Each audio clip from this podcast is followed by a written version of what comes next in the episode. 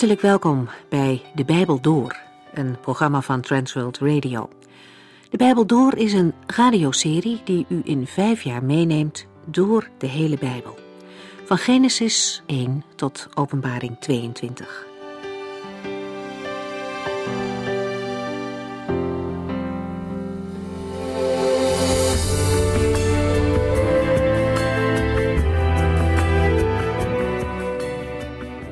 We begonnen de vorige keer met ernstige woorden uit Deuteronomium.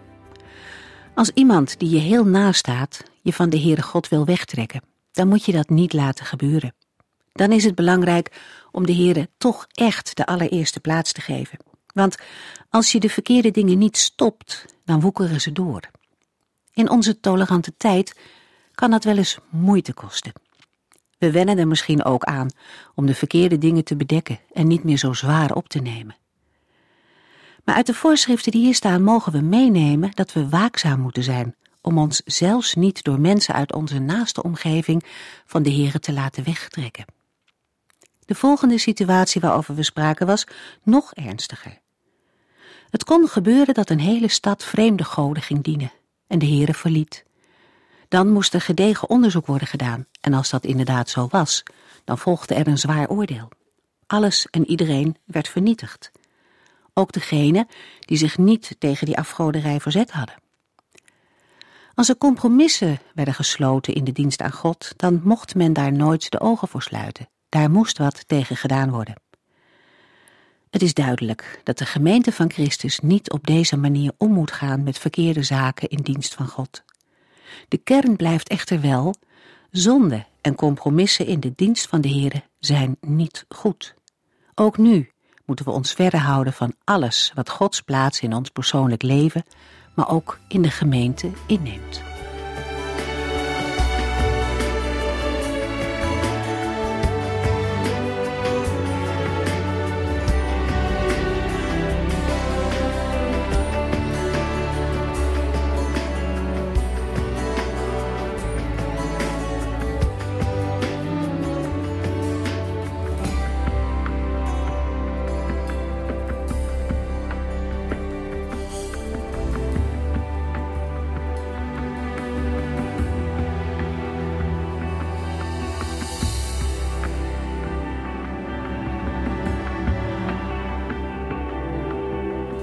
Deuteronomium 15 bevat drie onderwerpen die te maken hebben met het vierde gebod: het gebod om de sabbat te houden. Overeenkomstig de illustratieve functie van de geboden gaat het hier niet over de sabbat zelf, maar komen er een paar verwante zaken aan de orde. Het blijkt dat Gods eer en heil van de naaste nauw met elkaar zijn verbonden in een aantal radicale voorschriften. Deuteronomium 14 eindigde met een bijzondere bepaling over de tienden in het derde en zesde jaar van de zevenjarige cyclus. Nu komt het zevende jaar aan de beurt, waarover al eerder is meegedeeld dat het land dan braak zal liggen. Exodus 23. Omdat het graan, de druiven en de olijven dan niet geoogst mogen worden, maar bestemd zijn voor de armen, kunnen mensen met schulden in de agrarische sector in dat jaar in grote moeilijkheden komen. Zo'n schuld kan in de afgelopen jaren op allerlei manieren zijn ontstaan. Aan het einde van het zevende jaar wordt de schuld kwijtgescholden. Het zevende jaar wordt meestal sabbatsjaar genoemd, maar vers 9 duidt het hier aan met de uitdrukking het jaar van de kwijtschelding. Er wordt mee bedoeld dat iedereen die een lening aan zijn naaste heeft verstrekt, die moet kwijtschelden. De bedoeling is om de armen tegemoet te komen. Deuteronomium 15, vers 1 en 2. Aan het einde van elk zevende jaar moeten alle schulden worden kwijtgescholden. Iedere schuldeiser zal de schuld die een andere Israëliet bij hem heeft, volledig kwijtschelden, want de Heere heeft iedereen van zijn verplichtingen ontslagen. De regeling is vermoedelijk niet van toepassing op alle schulden. In de latere Joodse traditie is dit voorschrift wel verstaan als een algemene kwijtschelding van alle schulden. Daarom zijn er in de latere Joodse geschriften allerlei beperkingen aangebracht, bijvoorbeeld door Rabbi Hillel, waarin de schuldeiser bepaalt dat hij de lening te alle tijden mag terugvorderen.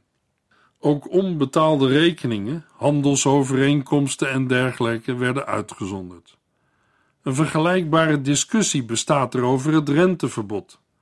Mag er alleen in geval van armoede geen rente worden gevraagd of geldt het altijd? Bij de bespreking van Deuteronomium 23, vers 19 zullen we dieper op dit punt ingaan. Deuteronomium 15, vers 3. Deze kwijtschelding geldt niet voor buitenlanders, maar wat uw broeder u schuldig is, moet u hem kwijtschelden. De schuldeiser mag zijn naaste, die ook zijn broeder is, niet tot betaling dwingen. Zij zijn niet alleen schuldeiser en schuldenaar, maar ook broeder en zuster in het licht van Gods verbond.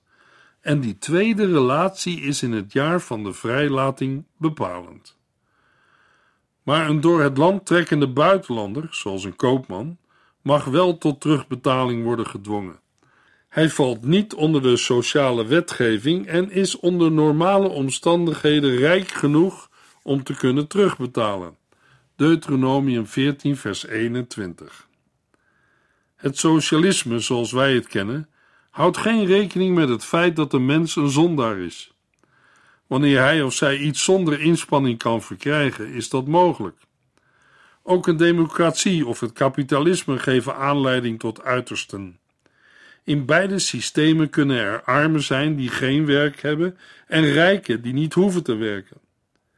Wat we in de Bijbel zien is dat de Heer aan het volk Israël een systeem geeft waarin iedereen gelijke kansen heeft, zodat ook een arme weer de gelegenheid krijgt om te werken. De regels die de Heere gaf voorkwamen dat iemand buitengewoon arm of buitengewoon rijk kon worden. Deuteronomium 15, vers 4 en 5. Niemand zal hierdoor arm worden, want als u dit gebod gehoorzaamt, zal de Heere u rijk zegenen in het land dat hij u geeft. De enige voorwaarde die de Heere stelt voor zijn zegen, is dat u zorgvuldig leeft naar de geboden van de Heere uw God, die ik u vandaag geef. Het is niet nodig dat er armen zijn in Israël, want de Heere geeft zijn zegen in het land dat de Israëlieten zullen beërven. Helaas laat de harde werkelijkheid vaak het tegendeel zien, zoals aangegeven wordt in vers 11. De ideale situatie is afhankelijk van de gehoorzaamheid aan de geboden van de Heere. De regel gold voor de Israëlieten onderling. Ieder zevende jaar werd de schuld van de armen kwijtgescholden en kreeg hij de gelegenheid opnieuw te beginnen. Waar een mens ook woont en naar welk land u ook gaat, overal ziet u de tegenstelling van rijk en arm. Aan de ene kant van de stad vind je armoedige huisjes of hutjes, en aan de andere kant staan grote villa's. Het is het gevolg van de zonde van de mensen. We kunnen er bepaalde mensen de schuld van geven, maar de werkelijke oorzaak is de zonde. Wij mensen hebben door ongehoorzaamheid aan de Heere God ons doel gemist. De opdracht om tot eer van God te leven en zijn schepping te onderhouden en te beheren is op een catastrofe uitgelopen. Door de zonde is het omgeslagen in een egoïstisch verzamelen van schatten op aarde, waardoor anderen tekortkomen. Wanneer wij mensen de geboden van de Heere zouden gehoorzamen, zou niemand armoede hoeven te kennen.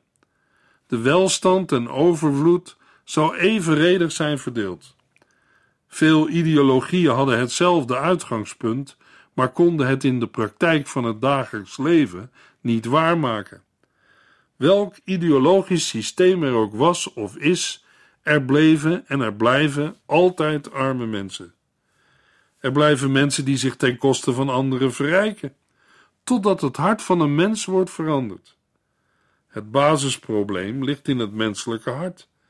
De Heere vraagt Israël hem te gehoorzamen. Als zij dat hadden gedaan, zou er naar Gods regels geen armoede zijn voorgekomen. Wanneer de Heere zegent, zoals hij beloofd heeft, dan zal Israël leningen verstrekken aan andere volken.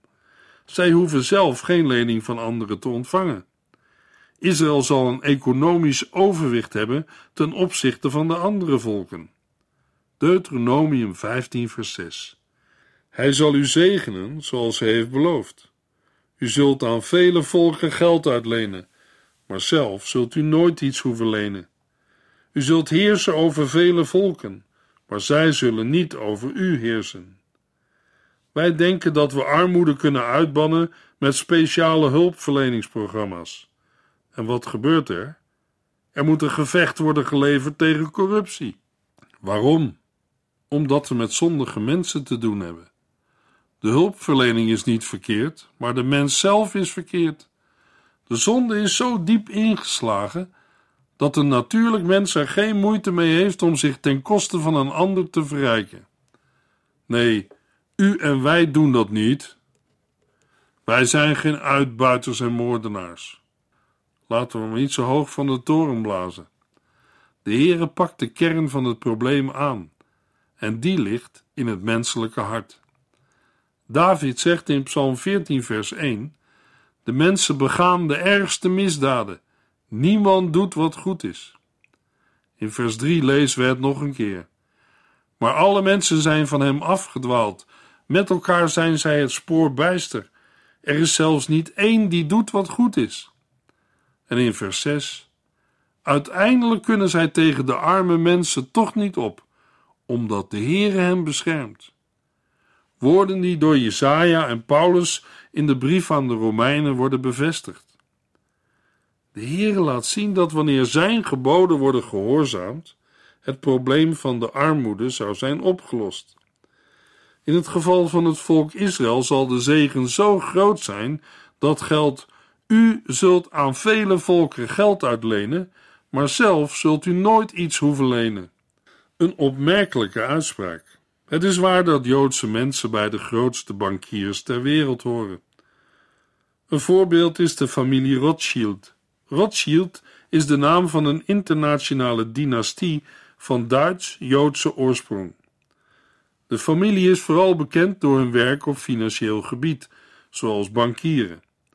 In Oostenrijk en het Verenigd Koninkrijk hebben vele leden van de familie adellijke titels.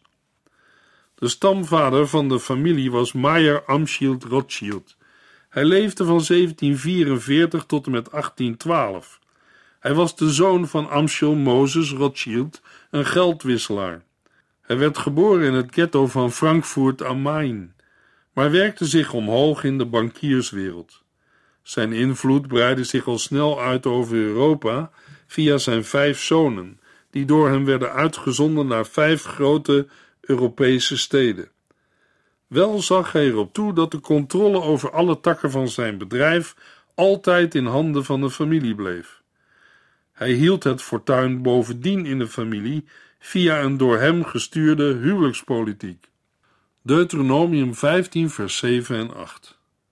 Als er bij uw aankomst in het land dat de Heer u zal geven enkele armen onder u zijn, moet u uw hart en hand niet voor hen sluiten. U moet hun net zoveel lenen als ze nodig hebben. Dit zijn bijzondere versen in de Bijbel. Het volk Israël heeft dit woord van de Heere niet gehoorzaamd en daarom bleven er in Israël armen. Toch is het opmerkelijk dat het huidige Israël financieel wordt ondersteund en giften ontvangt van Joodse mensen van over de hele wereld. Israël ontvangt waarschijnlijk meer financiële ondersteuning dan welk ander land dan ook. Vele Joden van over de hele wereld ondersteunen financieel hun vaderland Israël en geven er miljoenen aan. Al heel vroeg in het bestaan van Israël heeft de Heere zijn volk geleerd dat zij hun volksgenoten moesten ondersteunen en helpen. Hetzelfde principe en beginsel heeft de Heer aan de nieuwtestamentische gelovigen gegeven. Paulus zegt in Gelaten 2 vers 10 Het enige wat zij ons op het hart drukten, was de arme christenen in Jeruzalem niet te vergeten. Ik ben mij dan ook altijd voor hen blijven inspannen. Zij zijn de broeders uit Jeruzalem, die Paulus als apostel van de heidenen deze aansporing meegaven. In veel werk onder armen en behoeftigen zijn christenen actief. Deuteronomium 15, vers 9. Denk erom, weiger nooit een lening, omdat het jaar van kwijtschelding voor de deur staat. Als u weigert te lenen, zal de arme tot de Heere roepen en dan zal het u worden toegerekend als een zonde. De Heere waarschuwt tegen het ontlopen van hun verantwoordelijkheid. Theoretisch kon een Israëliet denken: het jaar van de kwijtschelding komt eraan, ik help mijn broeder niet uit de schuld, want over twee jaar is hij er toch vanaf. De Heere waarschuwt voor deze valkuil en zegt: weiger nooit een lening, omdat het jaar van kwijtschelding voor de deur staat. Je moet een arme broeder altijd helpen. Vandaag aan de dag wordt voor behoeftige gemeenteleden deze ondersteuning vaak door de diaconie gegeven. Deuteronomium 15, vers 10 en 11. U moet hem lenen wat hij nodig heeft zonder te klagen, want de Heere zal u helpen bij alles wat u doet, als u zo aan uw broeder leent. Er zullen altijd arme mensen onder u zijn, daarom is dit gebod noodzakelijk. U moet uw arme broeder vrijgevig tegemoet treden en hem lenen wat hij nodig heeft. Dat de Heer hier zelf al zegt dat er altijd arme mensen in het land zullen zijn, laat al zien dat Israël niet heeft gedaan wat de Heer had bevolen. Johannes 12, vers 8 zegt de heiland hetzelfde tegen zijn leerlingen. Er zullen altijd arme mensen zijn, maar ik zal niet lang meer bij jullie blijven. De heiland kent het hart van een mens. Luiheid, gemakzucht, egoïsme, eigen belang, gierigheid en niet willen delen kunnen allemaal motieven zijn om mensen niet te ondersteunen. Blijkbaar is het niet gewoon voor mensen om welstand en welvaart te delen met anderen. Daarom heeft de Heere bevolen: U moet uw arme broeder vrijgevig tegemoet treden en hem lenen wat hij nodig heeft. In Deuteronomium 15 is in directe zin geen sprake van rechten van de armen, maar wel van een roep tot God om gerechtigheid te laten geschieden. Daarmee wordt onbarmhartigheid afgewezen als onrecht. Ongeacht de omstandigheden en de oorzaken mag een mens zijn of haar hart laten spreken. Het is mogelijk dat de man of vrouw in Israël zodanig verarmt dat hij of zij zich voor een bepaalde periode moet verkopen als slaaf. Bij dit woord slaaf moet u niet denken aan de volstrekt rechteloze en uitgebuite slaven uit onze eigen geschiedenis in de 18e en 19e eeuw, maar aan schuldslaven met bepaalde rechten. Het verwante voorschrift in Leviticus 25 stelt dat zo'n schuldslaaf geen gewone slavenarbeid mag verrichten, maar als een dagloner en inwonende vreemdeling behandeld moet worden. Zo'n periode van slavernij mag hooguit zes jaar duren, en de schuldslaaf moet daarna in het zevende jaar vrijgelaten worden. Vers 12. Het zevende jaar is hier en in Exodus 21 gerekend vanaf de datum van ingang van de slavernij en staat los van het vaste jaar van de kwijtschelding maar heeft er inhoudelijk alles mee te maken. Ook deze wet is een uitvloeisel van het Sabbatsgebod. Deuteronomium 15, vers 13 tot en met 17. Stuur hem niet met lege handen weg. Geef hem een royaal afscheidsgeschenk van uw kudde, uw wijnpers en uw olijfpers. Deel met hem datgene waarin de Heere, uw God, u redde. Daarom geef ik u dit gebod. Maar stel dat uw Hebreeuwse slaaf niet weg wil omdat hij van u houdt, zich in uw huis prettig voelt en goed met u kan opschieten. Neem dan een priem en steek die tegen de deur door zijn oor.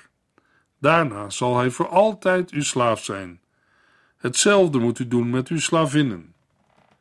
Dit is een mooi beeld van de Heer Jezus Christus. In Filippenzen 2, vers 7 en 8 staat: Integendeel, hij legde zijn grote macht en heerlijkheid af, nam de gestalte aan van een dienaar, van een slaaf en werd een mens. Herkenbaar als mens vernederde hij zich en gehoorzaamde tot het uiterste, zelfs tot de dood aan het kruis. Jezus kon in vrijheid vertrekken. Hij eigende zich de schuld van de zonde toe, hoewel hij geen zondaar was. Hij moest geen straf dragen, maar hij hield van u, jou en mij en offerde zichzelf voor ons op. Hebreeën 10, vers 5 zegt: Daarom heeft Christus, toen hij in de wereld kwam, gezegd: God, u verlangde geen offers of offergaven, maar u hebt mij dit lichaam gegeven om het als offer te geven. In de versen 19 tot en met 23 komen de eerstelingen van de kudde aan de orde. Dat kwam al ter sprake in Deuteronomium 12 in het kader van de centrale plaats van het heiligdom en de eredienst. Daarna werden ze genoemd bij de tienden in Deuteronomium 14. En nu komen ze onder een ander gezichtspunt weer aan de orde, namelijk in relatie tot de Sabbat. Het opvallendste is vers 23. Alleen het bloed mag u niet eten.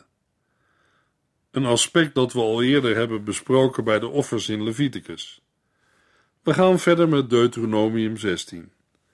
Aan Israël werden drie feesten gegeven waaraan iedere man moest deelnemen. Het zijn het Joodse paasfeest of Pesach, het wekenfeest en het Loofhuttenfeest.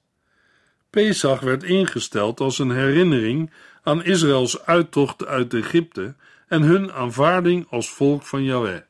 Deuteronomium 16, vers 1 en 2.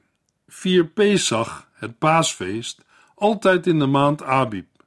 De eerste maand, want dat was de maand waarin de Heer uw God u s'nachts uit Egypte leidde. Voor de Heer uw God zult u dan schapen en runderen offeren op de plaats die hij zelf zal aanwijzen en waaraan hij zijn naam zal verbinden. De drie belangrijkste feesten zijn al eerder genoemd. In Exodus 23, 34, Leviticus 23 en Numeri 28 en 29. In Deuteronomium 16 komen de drie feesten beknopt aan de orde. Alleen in het kader van de uitwerking van het vierde gebod over de Sabbat. Veel details worden weggelaten. De nadruk ligt op de gang naar de centrale plaats van het heiligdom, die de Heere zelf zal aanwijzen, en op het karakter van de feesten.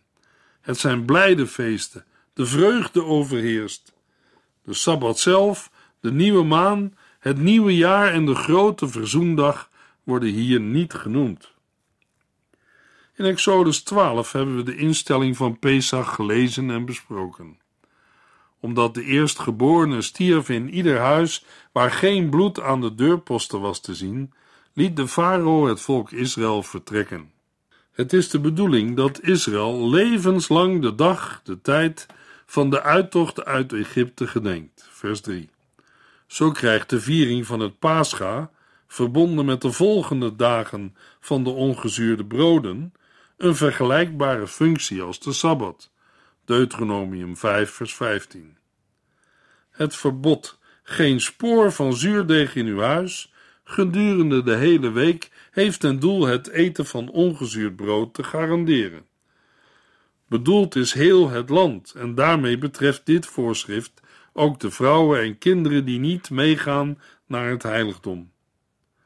De volgende bepaling, dat niets van het paaslam mag overblijven tot de morgen, is bedoeld om de Pesachviering strikt te beperken tot die ene avond.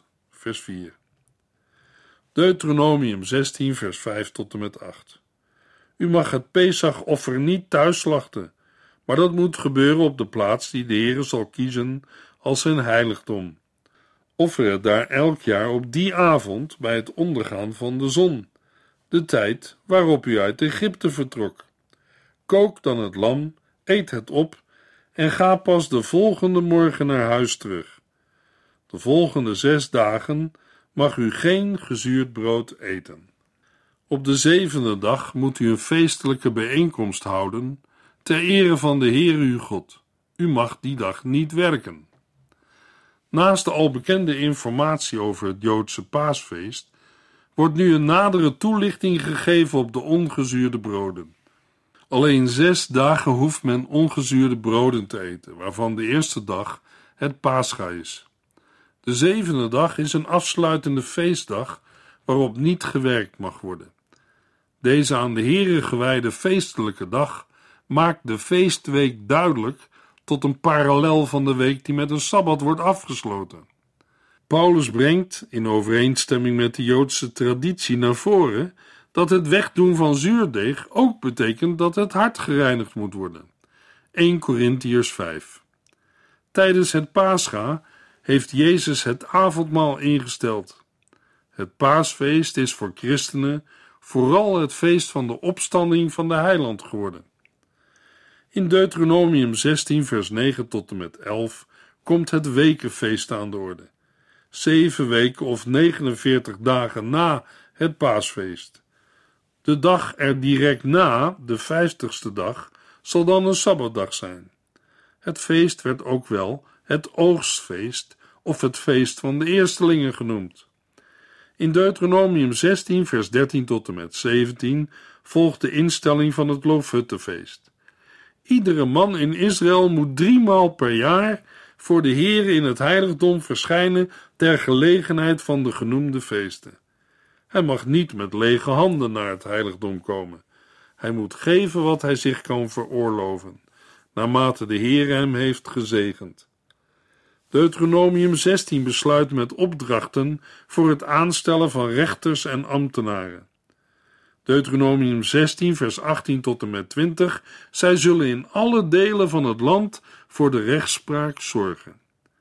De Heere weet wat er in het menselijk hart omgaat, en daarom spoort hij aan tot inzet voor de rechtvaardigheid.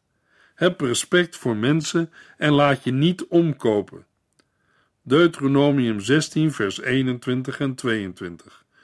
Onder geen beding mag u een gewijde paal of gewijde steen naast het altaar van de Heere uw God plaatsen, want de Heere haat het. Een gewijde paal of steen was verbonden met afgoderij. In de volgende uitzending lezen we Deuteronomium 17 vers 1 tot en met 18 vers 14.